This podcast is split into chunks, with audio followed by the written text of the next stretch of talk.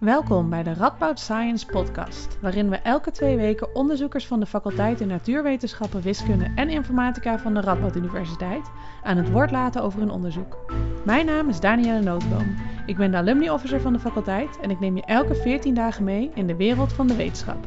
Zo kom je alles te weten over het onderzoek op onze mooie faculteit, maar ook over de mens achter de wetenschapper, ethische kwesties waar zij mee worstelen bij hun onderzoek of maatschappelijke problemen die zij hopen op te lossen. Vandaag heb ik dokter Bernard van Gastel te gast. Welkom Bernard, leuk dat je hier aan mee wilt werken. Bedankt voor de uitnodiging. Ja, leuk dat je er bent. Je werkt bij iHub, een instituut dat de invloed van digitalisering op de maatschappij bekijkt en doet voornamelijk onderzoek op het gebied van privacy, security en duurzaamheid. Zo ga je voor iHub onderzoek doen naar digitale democratiseringsprojecten, maar heb je je ook gebogen over een corona-app heb je een oplossing bedacht om medische gegevens van Parkinson-patiënten zo te versleutelen dat de kans op uitlekken vrijwel onmogelijk is? En analyseer je software en kijk je of je het kunt herschrijven, zodat het apparaat energiezuiniger wordt. Maar vandaag gaan we het hebben over je onderzoek naar een beveiligingslek op SSD's, wat je eigenlijk per toeval vond. Voordat we verder praten over je onderzoek naar het beveiligingslek van SSD's, kun je eerst kort iets meer vertellen over iHub? Ja, dat, dat is een leuk nieuw instituut. Dat uh, een interdisciplinair instituut dat uh, vorig jaar is opgericht. En daar komen heel veel disciplines samen. Dus daar zitten uh, onder andere informatica zit daar samen op één gang met rechtsgestudeerden, met psychologen, met filosofen. En vanuit al die disciplines bekijken we dan eigenlijk naar de impact van digitalisering op de maatschappij. In toenemende mate wordt eigenlijk alles uh, digitaler om ons heen, de hele maatschappij. En dat heeft grote invloed op alles wat we doen haast. Uh, zeker nu in deze coronaperiode zien we dat bijna alles digitaal gaat. Dat heeft grote invloed en dat uh, willen wij uitlichten en kijken of we daar wetenschappelijk gezien iets over die effecten kunnen zeggen vanuit die verschillende invalshoeken. Dat klinkt goed. En waarom is dat zo zinvol om dat van allerlei verschillende invalshoeken te doen? Ja, je merkt toch dat iedereen vanuit zijn eigen vakgebied een bepaalde bril op heeft, een bepaald zienswijze. En vaak is er bij informatica hebben wij niet zoveel begrip van uh, ethische kwesties of van uh, rechten kwesties. En juist bij andere vakgebieden, die, die hebben zoiets van, hé, hey, maar is dat nou heel normaal bij informatica? Of is dat technisch nou niet mogelijk? Daar had ik wel verwacht dat het mogelijk is. En als je met z'n allen op één gang zit, dan is het gewoon heel makkelijk om even tijdens de koffiepauze even te vragen van, hey, ik heb dit gelezen, dat vond ik eigenlijk opmerkelijk, hoe zit dat en dat nou? Dus ik heb in, in een hele korte tijd al ontzettend veel bijgeleerd over allerlei uh, filosofische benaderingen en uh, Kant, de, de filosoof Kant en hoe die tegen dingen aankijkt en ook hoe dat in combinatie met technologie zou gaan. Maar juist ook weer over heel veel rechte dingen. Dus hoe, hoe in bepaalde rechtsgebieden toch weer een andere uitwerking is en met auteursrechten, met vooroordelen die in algoritmes zitten, hoe dat uh, ook vanwege rechtswegen uitgesloten zou kunnen worden. Ja, dat klinkt als een hele fijne samenwerking zo tussen alle verschillende disciplines. We zitten echt met een leuke, energieke club die er echt zin in heeft. En uh, die zoekt ook actief de samenwerking op. Dus dat is inderdaad ontzettend leuk om daar te zitten. Met een ontzettend mooi uitzicht op de 19e verdieping van het Erasmusgebouw. Oeh, extra mooi. Um, laten we het hebben over het onderzoek naar SSD's. Dit begon in september 2016, maar dat was geen onderdeel van het werk wat je op dat moment deed, toch? Nee, dat was eigenlijk een, uh, een zijprojectje. We, keken eigenlijk naar uh, moderne opslagschijven. En dat, die heette uh, Solid State Disks. En dat is eigenlijk een heel groot SD-kaartjes, voor de luisteraars die dat niet kennen. Dus, en dat, die heeft geen bewegende onderdelen en dat is de opslag van je computer. En die eh, SSD's, die hebben eigenlijk pas een jaar of tien geleden hebben ze een intrede gedaan uh, binnen computers. Uh, en we waren ontzettend benieuwd wat nou de huidige stand van zaken is, de ontwikkeling en de techniek die hierin zit. Want die techniek is heel anders dan de klassieke harde schijven, die ook daadwerkelijk met hoge snelheid ronddraaien. En we gingen dus gewoon uit, ja, soort, uit onze eigen interesse, gingen we eigenlijk kijken naar hoe zo'n ding in elkaar zat. Dus we hebben een keer zo'n ding opengeschroefd en zitten kijken of we alle onderdelen wisten. En steeds eigenlijk verder erin gaan uh, duiken en onderzoeken. En dat deed ik dan met een collega, Carlo Meijer. En uh, samen eigenlijk bij de koffie hadden we dus elke keer over een ander onderdeel en over een ander aspect van die SSD's. Dus we waren ook allebei gewoon met onze eigen werkzaamheden bezig. En dan gingen we daar gewoon naar kijken. Uh, en toen op een gegeven moment zaten we eind, eind september een keer. Hadden we ook weer bij de koffie hadden we s ergens over gehad. Aan het eind van de dag liep ik uh, het gebouw uit en Carlo liep ook het gebouw uit. En toen hadden we het weer even over die SSD's. En hij zei van, oh ja, ik, uh, ik heb nog even gekeken en ik kwam deze en deze functie kwam ik tegen. En dat was een paswoordcontrolefunctie. En hij praatte wat verder, hij, hij ging er niet echt verder op in. En toen, toen dacht ik, hey, dit is interessant. Het triggerde bij mij wat. En dus ik meteen Carlo uitvragen, maar wat is dat dan voor functie die je hebt gevonden? Nou, dat bleek dus echt een paswoordcontrolefunctie te zijn, die, uh, die het ingevoerde paswoord, als je versleutelde schijf hebt, controleert en daarna kijkt of uh, als het wachtwoord goed is, uh, dan laat je het door en dan ontsleutelt hij de schijf. En als het wachtwoord fout is, dan krijgt de gebruiker weer een melding op zijn scherm dat hij opnieuw moet proberen. En het bleek dat alleen goed of fout was. Toen dacht ik van, oh, dit is interessant. En Carlo was nog niet direct overtuigd. Die zei, ah, ze zullen, het is een groot bedrijf. Er waren schrijven van Crucial. Dat is onderdeel van Micron. En die heeft nou, in Nederland uh, 20 tot 30 procent marktaandeel destijds. Wereldwijd iets minder, maar best wel een groot bedrijf. Uh, die zullen het toch wel goed hebben gedaan. Terwijl we op de fiets zaten, uh, we woonden bij elkaar in de straat. dus terwijl we de straat in fietsten, uh, en ik de hele tijd had geroepen, meten is weten. Zei hij op een gegeven moment, nou, weet je wat, uh, daar ben ik er ook vanaf. Ik ga gewoon meten. En ik ga gewoon kijken wat als ik nou de, de, die paswoord-check routine, als ik die nu een klein beetje aanpas. En ervoor zorg dat hij altijd zegt dat het een goed wachtwoord is. Daarom kun je kijken of je als je uh, een willekeurig wachtwoord invult, of je daar doorheen komt. Dus dat had hij ook uh, uiteindelijk gedaan. Ik zat al thuis uh, lekker te eten en ik kreeg na een uurtje kreeg ik een, uh, een screenshot van een computerscherm doorgestuurd. En daarin stond een foutief wachtwoord en dat het schrijven ontsleuteld was. En ja, die, die versleutelde schrijven, ja, het, het, belangrijkste is natuurlijk dat als je foutief wachtwoord ingeeft, dat je daar niet bij kan. Dat je dat niet zomaar kan ontsleutelen. Dus het dat is meteen een, een, een ja, eigenlijk was het bij mij eerst ongeloof van dit meen je niet. Hoe, hoe kan dit? En heel snel daarna kwam uh, ja, wel, wel een, een gevoel van, oh gaaf dat we dit nu hebben ontdekt. En heel eventjes later zal ik altijd denken van, oh, wat moet ik hiermee? Wat, dit, dit gaat veel gedoe opleveren. Dus ik, toen begon al een klein beetje met zorgen maken over wat onze volgende stap ging worden. Dan, dan ben ik wel benieuwd, wat, wat werd de volgende stap? Hoe, hoe ging je dat aanpakken als je zoiets vindt? Ja, dat was uh, uh, acht uur s avonds uh, onderhand. Toen heb ik meteen een, een dringend mailtje, spoedmailtje naar het afdelingshoofd gestuurd. En gezegd dat we drie kwartier voor zijn eerste afspraak morgenochtend langs wilden komen. omdat we een belangrijke iets hadden om met hem te bespreken. En dat was Bart Jacobs, dus de mm. hoogleraar computerbeveiliging. Uh, de volgende ochtend zaten we inderdaad veel te vroeg uh, dit te bespreken. En hebben we eigenlijk zo snel mogelijk een universiteitsproject, officieel onderzoeksproject ervan gemaakt. Uh, ja, als er eventuele rechtszaken uit voortvloeien, dan wil je dat niet op je persoonlijke rekening hebben staan. Dus dat, dat was heel fijn dat dat kon. Ja, want het lijkt me dat dit wel echt ontzettend gevoelig ligt. Als je ongevraagd bij een bedrijf aanklopt en zegt: Hé, hey, ik heb iets gevonden, je product is niet meer veilig. Hoe pak je dat aan? Ja, dat, dat uh, over het algemeen wordt dan in het vakgebied wordt responsible disclosure gebruikt. Dus dan doe je een vertrouwelijke melding aan het bedrijf en geef dat bedrijf, afhankelijk wat van een soort fout dat je vindt, uh, tot een half jaar tijd om dat op te lossen. En tot een half jaar tijd om het op te lossen geldt dan voor de, voor de moeilijkste problemen en dat zijn hardwareproblemen. En daar viel dit onder. Maar dan is altijd nog maar de vraag of zo'n bedrijf zo'n procedure accepteert. Ja, je moet dan naar een bedrijf toe. En die kan ook zeggen, ja, we vinden dit zo'n erg probleem. We gaan gewoon een rechtszaak starten om een publicatieverbod af te dwingen. Dat is ook in het verleden bij een eh, aantal andere projecten van onze afdeling ook gebeurd. Dat zijn gewoon langlopende kwesties en dat wil je voorkomen. Ja, dus heftig. Ja, dat, dat had ook best wel grote impact op die uh, onderzoekers. Want ik heb, zat niet in die onderzoeksteam, maar ik heb het natuurlijk, ja, mijn collega's wel. En dat, dat heb ik ook elke keer meegekregen. Uh, en het, het leidde echt heel erg af van hun dagelijkse bezigheden. Daar wil je ook gewoon weer goed aanvliegen. Dus wat wij uiteindelijk hebben gedaan is dat we in een vroeg stadium uh, het Nationaal Cybersecurity Centrum hierbij betrokken. En dat is een uh, overheidsorgaan in Den Haag dat bij de nationale cybersecurity helpt natuurlijk. En die hebben heel veel groot netwerk en heel veel connecties. Dus we hebben daar in de eerste instantie aangedragen. Omdat het ook natuurlijk, ja, als je het over versleutelde opslag die eigenlijk niet goed versleuteld is, waar je gewoon er langs kan zonder het goede wachtwoord te kennen, omdat ze eigenlijk het sleutel in het slot hebben laten zitten, bij die fabrikanten, ja, dan is dat vonden wij ontzettend zorgwekkend. En wij wisten eigenlijk niet goed wat we mee aan moesten. En we hebben dus in een vroeg stadium contact proberen te maken, omdat we ook een beetje wilden weten van hoe we hier mee om konden gaan.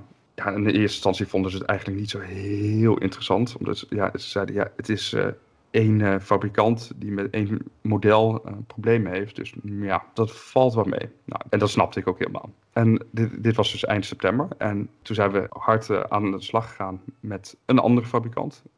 Samsung namelijk. Die levert veruit wereldwijd de meeste SSD's. Dus toen zijn we daar naartoe gaan kijken. En toen hadden we eigenlijk in 2,5 week hadden we vier modellen van Samsung hadden we hetzelfde probleem bij gevonden. Jeetje, dan wordt het ineens een stuk groter. Ja, opeens heb je dan uh, ja, eigenlijk de helft van het marktaandeel van SSD's heb je te pakken. En dan wordt het ineens wat groter. Dus toen hebben we nog een keer een update verstuurd naar het Nationaal Cybersecurity Centrum. En toen kregen we ook een hele mooie zin terug. Dat klinken als mooie, toch enigszins zorgwekkende vondsten. en dat vond ik wel een samengevat, ja. ja. mooie, mooie formulering. Ja, toen ging het balletje eigenlijk uh, echt rollen. Want ja, toen werden mensen ook wel, uh, ja, die, die zagen ook wel in dat het een best wel grote impact kon hebben. En toen zijn we ontzettend goed geholpen door het Nationaal Cybersecurity Centrum. Oh, wat fijn dat die er dan tussen zijn gesprongen. Ja, maar dat, dat scheelde heel erg. Want we waren dus ontzettend bang dat we een rechtszaak aan onze broek kregen met een publicatieverbod. Dus zij hebben, voor ons hebben ze eigenlijk alle communicatie gedaan naar de fabrikanten toe. En hebben ze onze echte identiteit hebben ze geheim gehouden. Waardoor als, ja, als de Nederlandse overheid naar zo'n fabrikant mailt van er zitten fouten in jullie product. Dan gaan ze niet zomaar de Nederlandse overheid aanklagen. Dat, dat heeft dan weinig zin. Dat was eigenlijk best wel een mooi model hoe we dat hebben uh, gedaan. Want dat zorgt dat wij minder daarover hoeven na te denken. En dat het risico ook lager was. En dat we ook, uh, ook natuurlijk van hun expertise gebruik konden maken en netwerk. Dus dat, dat was super fijn. Ja, slim. En hoe reageerden die bedrijven daarop toen de Nederlandse overheid aanklopte met de klopt iets niet? Daar, eigenlijk was het bij allebei was ontzettend moeilijk om de goede persoon te pakken te krijgen. Daar ging heel veel tijd overheen. Dus wij dachten echt van, uh, nou, dat, dat, dat, hebben we dan binnen een maand geregeld uh, en dan is het klaar. Nou, dat duurde vele malen langer. En ik moet ook nog zeggen, er zat eigenlijk een stap tussen, als ik helemaal uh, eerlijk ben. Uh, hierbij wordt het iets ingewikkelder. Namelijk, ik heb de hele tijd gehad over de versleuteling die ingebouwd zit in de SSD's. En nu heb je ook dat de besturingssystemen, zoals Windows, die hebben ook hun eigen versleuteling. En die heet BitLocker. En die BitLocker werkt eigenlijk op een ander niveau. Die versleutelt de hele computer. Dus ook de schijf. Om het uh, vrij makkelijk uit te leggen nu. En er gebeurt iets speciaals, kwamen we achter. Want zodra BitLocker een schijf met ingebouwde versleuteling detecteert, dan schakelt BitLocker zichzelf uit. En vertrouwt hij compleet op die ingebouwde versleuteling van die schijf. En dat gebeurde dus ook bij die modellen die wij hadden onderzocht. En wij schrokken onze hoedje, want je gaat er niet vanuit dat die twee met elkaar te maken hebben. En opeens schakelt BitLocker zonder dat je de gebruiker door heeft uit. En de hele beveiliging klopt dan niet. Dus wat we als eerste hebben gedaan, ja, twee fabrikanten aanspreken en coördineren. Dat leek ons moeilijk. Dus we dachten eigenlijk een makkelijke route wilden we pakken. En we wilden gewoon direct naar Microsoft gaan en van hun expertise gebruik maken. En dat, dat heeft eigenlijk heel lang geduurd. En dat heeft eigenlijk niet tot resultaat uh, geleid. Dus daarmee hebben we heel, heel veel vertraging opgelopen, helaas. En dat is wel jammer. Pas in een tweede ronde hebben we eigenlijk, zijn we direct naar die fabrikanten gegaan. Ook dat, uh, dat duurde lang. Want ja, voordat je bij zo'n groot bedrijf weet welke persoon je moet hebben. Bij Samsung alleen al werken een half miljoen mensen. Een half miljoen medewerkers bij Samsung. Ja, dat is heel moeilijk om natuurlijk bij de goede persoon uit, uh, uit te komen. Dus dat, daar ging maanden overheen voordat we de goede persoon hadden. Weet je. En wat hebben jullie dan in de tussentijd gedaan in die maanden? Is het dan wachten of, of hoe ziet dat eruit? Uh, voor een groot deel uh, inderdaad wachten. Maar ook uh, zorgen dat je verhaal echt op orde is. Dus alles uitzoeken, documenteren, nog wat extra modellen bekijken. Uitsluiten dat het niet aan iets anders ligt. En ja, uiteindelijk ben je er toch nog wel best wel mee bezig. Maar ook onze normale werkzaamheden gingen ook door. Dus, dus daar hadden we dan ook af en toe nog een beetje tijd voor. Gelukkig. Toen we die route van die fabrikanten kozen, hebben we allebei een samenvatting opgestuurd van twee A4'tjes. Zowel Crucial als Samsung gaat het nu dan om. En uh, Crucial, uh, ja, die interesseerde niet zo heel veel. Daar kregen we een beetje een matige reactie en is de communicatie niet echt op gang gekomen.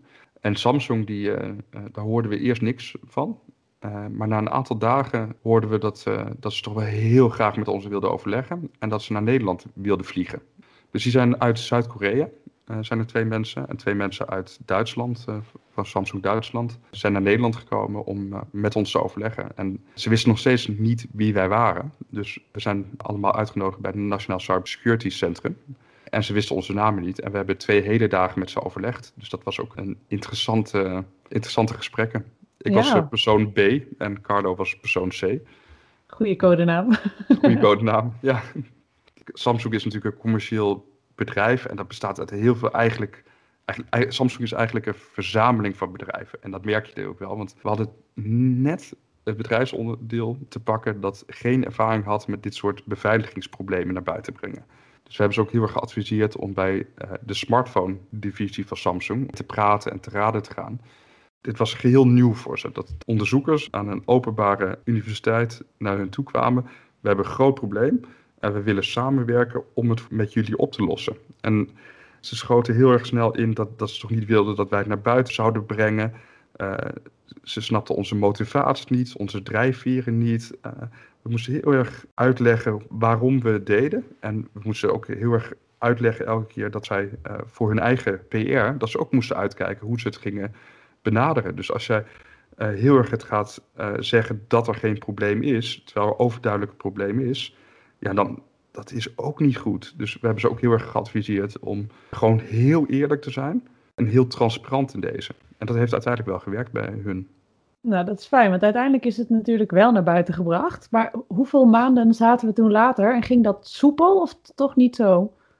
We zaten 25 maanden verder. Dus dat is uh, meer dan twee jaar verder. en dat, uh, ja, dat, dat, is echt. Uh, ja, sorry voor mijn reactie. Dat duurt echt heel lang dan. Ja. Dat duurt echt heel lang. Ja, nee, dat is inderdaad. Dat, dat hebben mensen ook niet zo door. Dus omhand zaten we ook een beetje op zo'n zo'n ja, hete aardappel die we echt graag naar buiten wilden hebben. Dat op een gegeven moment ben je ook in zekere zin een klein beetje klaar ermee. In april is Samsung bij ons langs geweest in Nederland.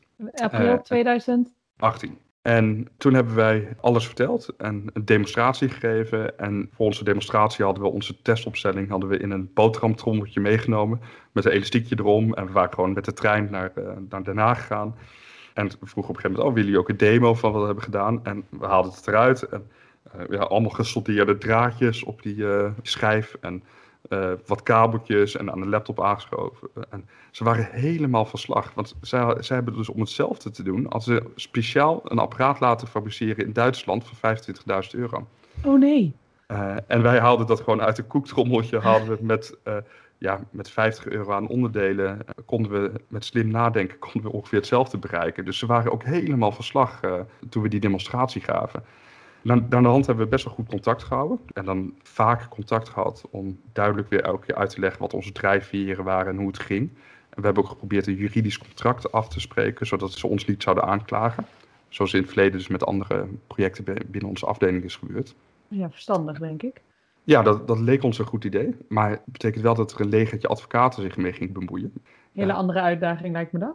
Ja, hun prioriteit is om niet weg te geven dat je de ander zou aanklagen. Dat is iets dat je in handen wilt houden. Dat is een troef die je hebt. Dus zij hadden er geen belang bij om te zeggen dat ze ons niet zouden aanklagen. Dat wilden ze eigenlijk gewoon niet weggeven. Dus we merkten op een gegeven moment dat dat gewoon een hele lange actie was om ja, eigenlijk uh, tijd te rekken. En dat was lastig. Dus je zag daar echt, terwijl we met ze communiceerden, zag je dat er een manager op zat. Ja, je zag dat er een communicatie-expert op zat. Je zag dat er technici op zaten en de juridische afdeling. En die hadden allemaal hun eigen prioriteiten en eigen belangen. Dus dat was eigenlijk ja, ook wel heel leuk om te zien, maar ook frustrerend. Ja, ja, dat snap ik. En hebben jullie daar uiteindelijk, zijn jullie eruit gekomen of zijn jullie toch gaan publiceren? Hoe is dat gegaan? Over de zomer was er eigenlijk nog steeds niks gebeurd. En we zaten in april dat we ze hadden ontmoet. Toen hebben we uiteindelijk besloten, uh, samen met het Nationaal Cybersecurity Centrum, dat dit niet zo langer kon. We zaten al bijna twee jaar op deze informatie. En toen hebben we gewoon de knoop doorgehakt dat we het naar buiten moesten gaan brengen. Ja, anders komt het er nooit van. Dus uh, dat hebben ze heel duidelijk uitgelegd. Van het gaat naar buiten komen. En binnen hele korte tijd. We staan open voor feedback. We willen samenwerken. We willen de strekking van wat we naar buiten gaan brengen. Willen we best aan jullie uh, van tevoren delen. En we doen het goede trouw. Hè? We, laten ook jullie weten dat we nu naar buiten gaan brengen. Maar dit, dit moet gewoon een keer naar buiten. Dus hopelijk kunnen jullie ook alvast dit voorbereiden. En toen hebben we besloten dat we eh, pakken beter een half jaar na dat overleg in Den Haag, dat we dat openbaar zouden maken. Wat we toen hebben gedaan, precies een half jaar na dato, hebben we in internationale mailinglijsten van systeembeheerders hebben we een vooraankondiging gedaan dat twee weken later er een groot bericht zou komen over die beveiliging. Alle grote organisaties hebben zo'n Computer Emergency Response Team, een CERT-team. En die zitten op die lijsten aangesloten. En het blijft redelijk binnenskamers, de vooraankondigingen die daar gestuurd worden. Niet helemaal, maar twee weken lang blijft het meestal wel ongeveer binnenskamers. Vandaar ook dat we die twee weken hadden uh, gekozen. Daar, zitten echt tienduizenden mensen op op die mailinglijst, dus je kunt niet helemaal controleren. Maar bedrijven hebben in ieder geval wel een, een idee dat er iets gaat komen en dat ze ook iets moeten gaan doen. En daar hebben we geen details in gezet. En we hebben gezegd, over twee weken volgen er details. En toen hebben we nog steeds niet onze naam uh, erbij gezet. En dat was dus een melding vanuit het uh, Nationaal Cybersecurity Centrum. En twee weken later heeft de universiteit een persbericht de deur uitgedaan. En uh, toen is alles publiek geworden. En toen hebben we ook een, een draftversie van onze artikel hebben we ook meteen online gezet daarbij. Eindelijk. Eindelijk. En dit was 5 november 2018. Ja, Jeetje. Het gaat meer dan twee jaar later. Ja, en dan ben je er nog steeds niet, want dit was een draftartikel. Want we hebben in de tussentijd hebben geprobeerd te publiceren, maar dat is niet gelukt, omdat wij bij die publicatieproces konden we geen garanties krijgen van uh, de plek waar het instuurde. Dat het vertrouwelijk was en niet zou uitlekken. En dat ze, dan hebben, moeten ze een speciale administratie voeren. Dan, uh, als het uitlekt, dan worden de reviewers uh, worden openbaar. En dat zijn allemaal speciale maatregelen, maar het lukt ons niet om dat af te spreken. Dus het enige wat we konden doen is in de versie die we hebben ingestuurd, om alle namen en, en best wel wat details, modelnamen en fabrikanten, om die weg te halen. Om die helemaal zwart te, te maken. En ja, dat is echt zo'n reviewer. Ja, ik kan dit niet, niet reproduceren, want er zijn niet genoeg details in. Want ik weet dat ja. niet. Dus ik kan niet beoordelen of dit klopt. Dus ik kan het niet door laten gaan. Dus we zaten hier een soort spagaat. We kregen het niet wetenschappelijk gepubliceerd, omdat het nog niet openbaar was. Maar de universiteit wilde het liever eigenlijk ook niet publiceren. Want we hebben het lang voorbereid. Dus we hebben echt al in een vroeg stadium hebben juridische zaken van de universiteit hebben we erbij gehaald. En we hebben ook de communicatieafdeling in het vroeg stadium bij gehaald. En je, je merkte gewoon het ongemak eigenlijk dat, dat we iets naar buiten wilden brengen. Waarvan we absoluut zeker waren maar wat nog niet wetenschappelijk gepubliceerd was. Dat was echt iets zeer ongebruikelijks. Ja, een heel, heel lastig spanningsveld lijkt me dat. Want aan de ene kant wil je vanuit maatschappelijk oogpunt het relatief snel wel naar buiten brengen. Maar de universiteit kan dat natuurlijk alleen doen als het ook gefundeerd is op wetenschappelijke artikelen. Hoe heb je dat ervaren? Was dat eigenlijk wel een handige stap voor jou in je carrière om dit onderzoek te gaan doen? Nee, dat was zeker geen handige stap dit. dit. Dit was echt vanuit een maatschappelijk belang dat we dit deden. Want dit heeft zoveel tijd gekost. Dat leidt eigenlijk best wel af van, van je, je kerntaken. Maar maatschappelijk gezien is het ontzettend belangrijk om te doen. En is er um, uiteindelijk een uh, goede oplossing gevonden? Ja, we hebben gewoon veel erover gesproken, intern. Uh, en zijn we bij het college van bestuur langs geweest, want die wilden on, ook ons helpen en ondersteunen. Um, en alle opzichten gewoon echt uit heel transparant zijn, uitleggen en deze spagaat ook aan iedereen uitleggen. En ook echt uitleggen dat we heel zeker ervan zijn. En daar hielp het natuurlijk ontzettend dat we een Nationaal Cybersecurity Centrum erbij hebben betrokken.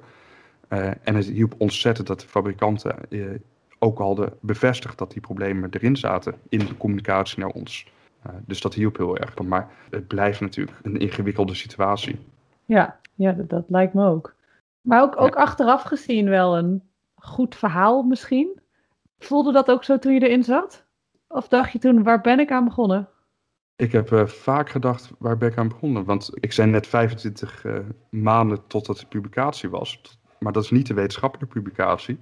Uh, die zat daar nog een keer negen maanden later achter. Dus dat, dat heb je het over een heel lang traject. En we hadden het ingestuurd. En dan vonden alsnog de, de, de reviewers dat, uh, uh, dat wij niet genoeg marktaandeel hadden gekregen. Dus daarna aan de hand hebben we nog een fabrikant. En dit keer SanDisk met Western Digital hebben we fouten in gevonden. Om nog maar een, om ons punt in het wetenschappelijk artikel nog beter te maken.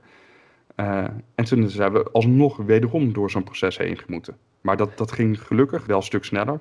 Want we stuurden één mailtje en ze wisten eigenlijk al precies wie we waren en uh, hoe laat het was. En toen hebben ze al heel snel opgeschaald. En dat was eigenlijk een, een hele prettige samenwerking met Western Digital. Gelukkig. Dus in die zin was die, dat het zo openbaar is geworden voor die samenwerking wel, wel heel fijn. Ja, nou wat fijn. Hey, we zitten bijna aan het eind van onze podcast, uh, Bernard. Zou ik jou nog een uh, laatste vraag willen stellen? Het valt me op dat het onderzoek wat je doet, dit van de SSD, maar ook wat we in de introductie al noemden, vooral gericht is op het verbeteren of zelfs oplossen van maatschappelijke vraagstukken. Wat trekt jou daar zo in aan? Waarom, waarom kies je daarvoor, zelfs als het dus niet altijd goed is voor je carrière? Ik zie uh, dagelijks om me heen hoeveel impact verandering en vooral digitale verandering heeft. En ik ben eigenlijk onderdeel van de generatie dat in de jaren negentig puber en opgegroeid. En we hadden eigenlijk zo'n droom dat internet alles, uh, iedereen zijn eigen waarheidsvinding kon vinden met internet. En de wereld zou verbeterd worden en ik geloof daar ook echt in. En je ziet eigenlijk nu gewoon de, laatste jaren dat het, dat het steeds meer uh, waninformatie komt. Dat mensen hun eigen filterbubbel blijven zitten. Dat, dat ze uh, juist slechtere informatie tot zich krijgen. Dus ik, ik zie om me heen gewoon dat waar ik eerst heel erg geloofde in, in technologie en vooruitgang daarvan. En dat ook de maatschappij daar beter van werd. Zie ik nu gewoon ontzettende keerzijde. En dat zie je ook met die bitcoins bijvoorbeeld. De, die bitcoins slurpen energie alleen bitcoins kost al meer energie dan de energieverbruik van heel Ierland bij elkaar. Dus dat zijn ontzettend grote getallen. Dus ook daarin zie je dat ja, die technologie heeft ontzettend grote impact op de maatschappij. En ik denk dat we daar ontzettend bewust van moeten zijn, heel veel aandacht aan moeten hebben en zorgen dat we dat beter gaan begrijpen. Uiteindelijk wil ik een betere samenleving. En dat, dat vind ik ook ontzettend leuk. Dat, ik heb normaal niet zo heel veel met, met slogans en huisstijlen en, en dat soort dingen. Maar ik vind het, het huidige motto van de universiteit, significant impact, dat vind ik ontzettend goed gekozen. Dus daar ben ik het ontzettend mee eens. Want dat is ook mijn drijfveer. Gewoon echt een impact kunnen maken, eh, een positieve impact op een maatschappij uh, voor het verbeteren daarvan. Dus dat, dat is me ook aan, aan het hart gegrepen.